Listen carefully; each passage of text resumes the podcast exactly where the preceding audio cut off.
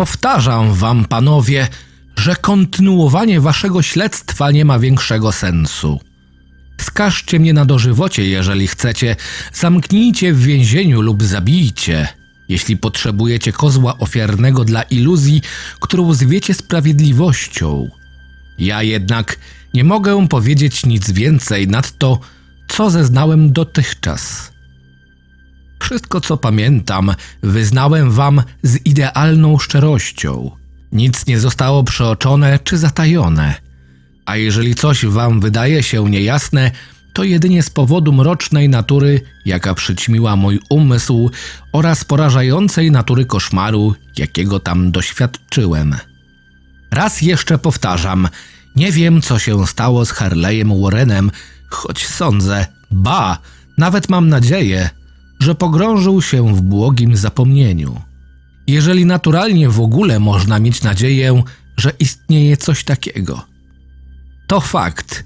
Od pięciu lat byłem jego najbliższym przyjacielem i w pewnym sensie brałem z nim udział w przerażającej wyprawie badawczej w głąb nieznanego. Nie zaprzeczam, choć moja pamięć jest mglista i niespójna, że, jak twierdzi wasz świadek, mógł widzieć nas razem na Gainesville Pike, zmierzających ku wielkim cyprysowym moczarom o wpół do dwunastej owej potwornej nocy. Mogę nawet potwierdzić, że mieliśmy latarnie, łopaty i spory zwój drutów z przyłączonymi aparatami. Każdy z tych przedmiotów odegrał swoją rolę w jednej upiornej scenie, której wspomnienie wryło mi się głęboko w pamięć.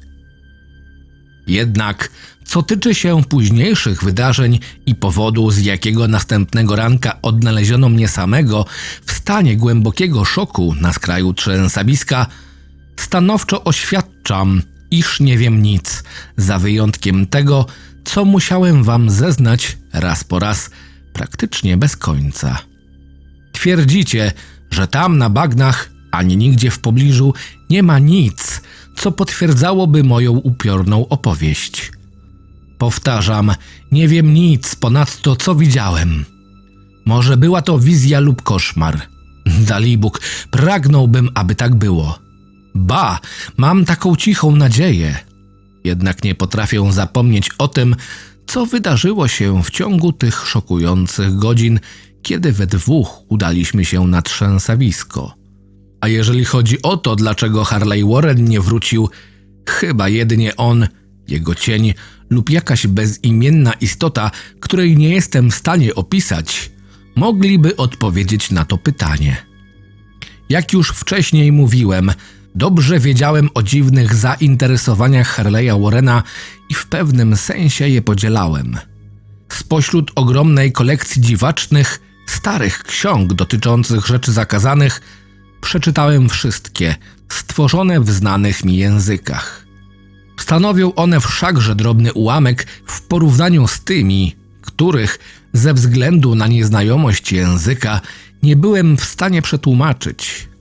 Większość z nich jest, jak sądzę, napisana po arabsku, zaś księga, którą miał ze sobą Warren tamtej nocy, księga traktująca o złu, którą zabrał ze sobą w kieszeni schodząc z tego świata, zapisana była pismem, którego nigdy dotąd nie widziałem. Warren zaś nigdy nie mówił mi o treści tej książki. Co się tyczy natury naszych badań, czy mam powtórzyć, że nie w pełni ją teraz pojmuję?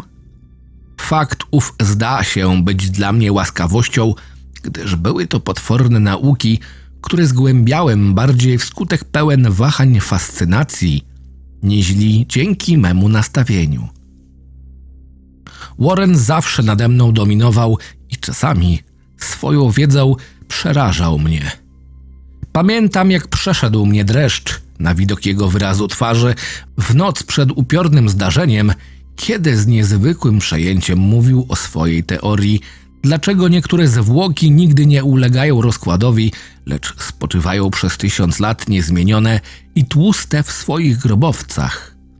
Teraz jednak już się go nie obawiam, gdyż podejrzewam, że poznał zgrozę przekraczającą moje zdolności pojmowania. Obecnie boję się o niego. Powtarzam, Nie wiem, co konkretnie było naszym celem owej nocy.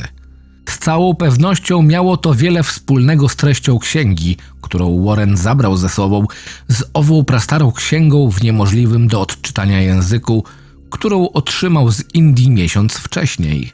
Ale mogę przysiąc, że nie wiem, co mieliśmy tam znaleźć. Wasz świadek mówi, że widział nas o wpół do dwunastej w nocy na Gainesville Pike, jak szliśmy w kierunku wielkich cyprysowych moczarów. Jest to zapewne zgodne z prawdą, ale szczerze mówiąc, nie pamiętam. Przed oczami mam jeden tylko obraz, a musiało być wtedy sporo po północy, bo wysoko na spowitymi oparami niebie wisiał blednący sierp księżyca. Naszym celem był stary cmentarz, tak stary, że zadygotałem widząc, jak czas okazał się dla nim bezlitosny. Położony był on w głębokiej, podmokłej kotlinie, zarosłej bujnymi trawami, mchem oraz dziwacznymi pnącymi chwastami i wypełnionej słabym, acz wyczuwalnym smrodem, który nie wiedzieć czemu skojarzył mi się absurdalnie z gnijącymi kamieniami. Każdej strony widać było ślady zaniedbania i upadku, i pamiętam, że odniosłem niepokojące wrażenie, iż Warren i ja byliśmy pierwszymi żywymi istotami, które od stuleci ośmieliły się nawiedzić to spowite grobową ciszą miejsce. Ponad krawędzią kotliny gasnący księżyc wyjrzał spośród zasłony cuchnących oparów, które zdawały się bezgłośnie wypływać z głębi grobowców i w jego słabym świetle ujrzałem odrażającą, chaotyczną mozaikę antycznych płyt nagrobnych, urn, kenot i fasad mauzoleów. Wszystkie były zmurszałe, porośnięte mchem i pokryte plamami wilgoci. Po części zaśnikły wśród bujnej, acz zgoła niezdrowej roślinności. Pierwszym wyraźnym wspomnieniem z mojej wizyty w tej potwornej nekropolii jest scena, kiedy zatrzymałem się wraz z Warrenem przed pewnym, na wpół zniszczonym grobowcem i położyłem na ziemi część naszych rzeczy. Dopiero teraz zauważyłem, że niosłem latarnię i dwie łopaty, zaś mój towarzysz oprócz latarni dźwigał przenośny telefon. Nie zamieniliśmy słowa, zupełnie jakbyśmy obaj doskonale znali cel tej nocnej wycieczki. Bezzwłocznie chwyciliśmy za łopaty i zaczęliśmy oczyszczać płaski, archaiczny grobowiec z pokrywającego go mchu, traw, chwastów i naniesionej ziemi. Po odsłonięciu całej powierzchni, na którą składały się trzy wielkie granitowe płyty, cofnęliśmy się nieznacznie, by móc się lepiej przyjrzeć staremu grobowcowi. Warren zdawał się obliczać coś w myślach, po czym ponownie podszedł do grobu i używając łopaty jako dźwigni, próbował podnieść jedną z płyt znajdujących się najbliżej sterty gruzów, która niegdyś mogła być pomnikiem. Nie udało mu się to i skinął na mnie, abym mu pomógł. W końcu, wspólnymi siłami, zdołaliśmy obluzować kamień, podnieśliśmy go i zwaliliśmy na bok. Oczom naszym ukazała się mroczna czeluść, z której buchnął kłąb mizmatycznych gazów, tak duszący, że cofnęliśmy się jak porażeni. Jednakże, chwilę później, po ponownym zbliżeniu się do otworu, stwierdziliśmy, że wyziewy nie są już tak dokuczliwe. Blask latarni ukazał stopnie kamiennych schodów, ociekających jakąś ohydną posoką, wypływającą z trzew ziemi i okolonych wilgotnymi, omszałymi ścianami. I właśnie teraz moja pamięć rejestruje pierwszą wymianę zdań, słowa Warrena skierowane do mnie i wypowiedziane jego miękkim, melodyjnym głosem, w którym nie pobrzmiewał nawet cień zaniepokojenia, jakie mogło wywoływać przerażające otoczenie. Przykro mi, że muszę cię poprosić, abyś pozostał na powierzchni, rzekł, ale byłoby zbrodnią pozwolenie komuś o tak słabych nerwach jak ty zejść w głąb tych katakumb. Nie jesteś sobie w stanie wyobrazić, nawet po tym, co czytałeś i o czym ci opowiadałem, Co przyjdzie mi wytrzymać i uczynić tam na dole? To dzieło złego, Carter, i wątpię, czy jakikolwiek człowiek, nie mający stalowych nerwów, byłby w stanie zobaczyć to wszystko i powrócić na powierzchnię żywy i przy zdrowych zmysłach. Nie żyw do mnie urazy, Bóg mi świadkiem, że bardzo chciałbym, abyś wszedł tam ze mną.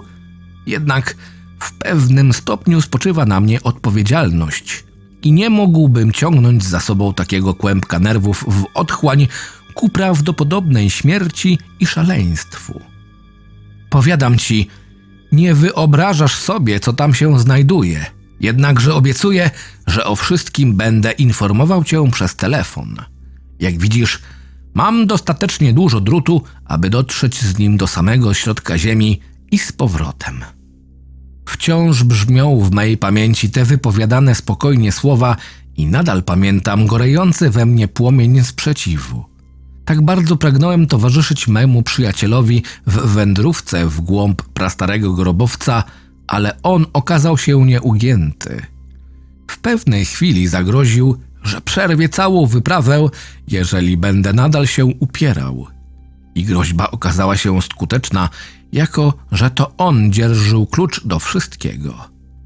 Pamiętam to wszystko, ale nie przypominam sobie, co konkretnie było naszym celem, czego szukaliśmy.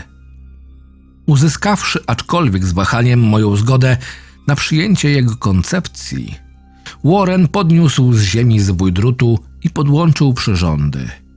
Kiedy skinął głową, wziąłem do ręki aparat i usiadłem na starym, wypranym z kolorów kamieniu płyty nagrobnej opodal niedawno przez nas otwartego zejścia do katakumb. Następnie podał mi rękę, zarzucił zwój drutu na ramię i znikł w głębi owej niemożliwej do opisania kostnicy. Jeszcze przez pewien czas widziałem blask jego latarni i słyszałem szelest ciągnącego się za nim po ziemi przewodu. Jednak poświata znikła nieoczekiwanie, jakby przyjaciel mój ni stąd, ni zowąd natrafił na załom korytarza. Dźwięk ucichł równie gwałtownie. Byłem sam, a jednak połączony z nieznaną czeluścią owymi magicznymi przewodami, których izolowana powierzchnia połyskiwała zielonkawą w słabym świetle niknącego sierpa księżyca. Raz po raz spoglądałem na zegarek, przyświecając sobie latarnią i z narastającym niepokojem wsłuchiwałem się w słuchawkę telefonu. Jednak przez ponad kwadrans panowała w niej głęboka cisza. Nagle usłyszałem cichy trzask zawołałem mojego przyjaciela. Pomimo napięcia, absolutnie nie byłem przygotowany na słowa, jakie doszły mnie z głębi tych mrocznych niesamowitych katakumb i jeszcze nigdy nie słyszałem w głosie Harleya Warrena równie silnego zdenerwowania i drżenia. Ten, który jeszcze nie tak dawno odchodząc starał się mnie uspokoić, zwracał się teraz do mnie ze wnętrza grobowca drżącym szeptem, który brzmiał bardziej złowrogo niż najgłośniejszy krzyk. Boże, gdybyś mógł widzieć to, co ja! Nie mogłem odpowiedzieć. Odjęło mi mowę i mogłem jedynie słuchać. Po chwili znów doszedł mnie ten sam, przesycony napięciem szept. Carter, to przerażające, potworne, niewiarygodne. Tym razem głos mnie nie zawiódł i zalałem słuchawkę potokiem pełnych ekscytacji pytań. Przerażony raz po raz powtarzałem: Warren, co tam jest? Co tam jest? Ponownie usłyszałem głos mego przyjaciela, w dalszym ciągu ochrypły od strachu, teraz jednak wyraźnie podbarwiony rozpaczą. Nie mogę ci powiedzieć, Carter. To po prostu nie do pomyślenia. Nie odważę się tego powiedzieć. Żaden człowiek nie mógłby o tym wiedzieć i pozostać przy życiu. Boże, nigdy coś takiego nawet mi się nie śniło. I znów cisza, jeżeli nie liczyć bezładnego potoku zadawanych przeze mnie pytań. A potem głos Warrena, bardziej, o ile to możliwe, przerażony i przepełniony konsternacją. Carter, na miłość boską, połóż płytę z powrotem i jeśli tylko możesz, uciekaj. Szybko, rzuć wszystko i uciekaj. To twoja jedyna szansa. Zrób co mówię i o nic nie pytaj. Nie każ mi niczego wyjaśniać. Usłyszałem to, ale mogłem jedynie powtarzać moje gorączkowe pytania. Wokół mnie były grobowce, mrok i cienie. Poniżej zaś jakieś zagrożenie przekraczające wszelkie ludzkie wyobrażenia. Jednak mój przyjaciel był w większym niebezpieczeństwie niż ja i pomimo iż bardzo się bałem, poczułem się nieco urażony, że w tej sytuacji mógł żądać, bym pozostawił go samego. Rozległ się kolejny trzask i po krótkiej chwili zatrważające ponaglenie Warrena. Spływaj! Na litość boską połóż płytę na miejsce i spływaj stamtąd, Carter! Coś w młodzieńczym slangu mojego przerażonego towarzysza odblokowało moją zdolność myślenia. Zebrałem się w sobie i zawołałem. Warren, trzymaj się! Schodzę do ciebie! Jednak na te słowa Marley odkrzyknął w nieskrywanej rozpaczy. Nie, nie rozumiesz. Jest już za późno i to moja wina. Połóż płytę na miejsce i wiej. Nic innego nie możesz zrobić ani ty, ani nikt inny. Ton znów się zmienił. Tym razem jednak nieco złagodniał, jakby w wyrazie beznadziejnej rezygnacji. Ja jednak przez swój strach wyraźnie wyczuwałem w nim napięcie. Szybko, zanim będzie za późno. Próbowałem nie zwracać na niego uwagi. Usiłowałem przełamać paraliż, jaki mnie ogarnął i spełniając swoją obietnicę, czym prędzej ruszyć mu z pomocą. Jednak, gdy rozległ się kolejny szept, wciąż jeszcze trwałem w kompletnym bezruchu, spętany niewidzialnymi okowami niewypowiedzianej zgrozy. Carter, pośpiesz się! To nic nie da. Musisz odejść. Lepiej, żeby jeden niż dwóch. Płyta! Przerwa. Kolejne trzaski i słaby głos Warnera. To już prawie koniec. Nie utrudniaj sprawy. Zakryj te cholerne schody i wiej, jeżeli, jeśli ci życie miłe. Tylko tracisz czas. Bywaj, Carter. Już się nie zobaczymy. Jednocześnie szept Warrena przerodził się w krzyk. Krzyk stopniowo zmieniający się we wrzask, zawierający w sobie całą zgrozę wieków. Przeklinam te piekielne istoty! Legiony, mój Boże, uciekaj! Spływaj, spływaj, wiej! Potem zapadła cisza. Nie wiem, ile niezmierzonych eonów siedziałem, jak wrośnięty w ziemię, szepcąc, mamrocząc, wołając i wrzeszcząc do słuchawki. Warren, Warren, odpowiedz, jesteś tam? I wtedy stało się najgorsze. Był to istny koszmar niewiarygodny, niewyobrażalny, rzekłbym nawet niepowtarzalny, coś, czego nie sposób opisać. Jak powiedziałem, wydawało mi się, że minęły całe eony, odkąd Warren wykrzyczał do mnie swe ostatnie, rozpaczliwe ostrzeżenie i że obecnie jedynie moje własne krzyki przerywały okropną ciszę. Jednak po chwili usłyszałem w słuchawce kolejne szczęknięcie i wytężyłem słuch. Ponownie zawołałem: Jesteś tam, Warren? A w odpowiedzi usłyszałem coś, co sprawiło, że mroczna chmura spowiła mój umysł. Nie staram się tłumaczyć tego czegoś, tego głosu, ani też nie pokuszę się o bliższą jego charakterystykę, jako że już pierwsze słowa pozbawiły mnie świadomości i stworzyły mentalną kurtynę, która uniosła się dopiero, kiedy ocknąłem się już w szpitalu. Cóż mam powiedzieć? Czy mam stwierdzić, że ów głos był głęboki, płytki, galaretowaty, odległy, nieziemski, nieludzki, bezcielesny? Cóż mam powiedzieć? To była ostatnia rzecz, jaką zarejestrowałem. Usłyszałem go i nic poza tym nie wiem. Usłyszałem go siedząc jak skamieniały na nieznanym cmentarzysku w Kotlinie pośród potrzaskanych płyt i obróconych w gruzy grobowców, mając w nozdrzach woń gnijącej roślinności i fetor miasmatycznych wyziewów. Usłyszałem ten głos, płynący z najgłębszych czeluści przeklętego, otwartego grobowca. Wpatrując się w amorficzne widmowe cienie, tańczące poniżej przeklętego, bladego sierpa księżyca. To coś powiedziało. Ty głupcze. Warren nie żyje.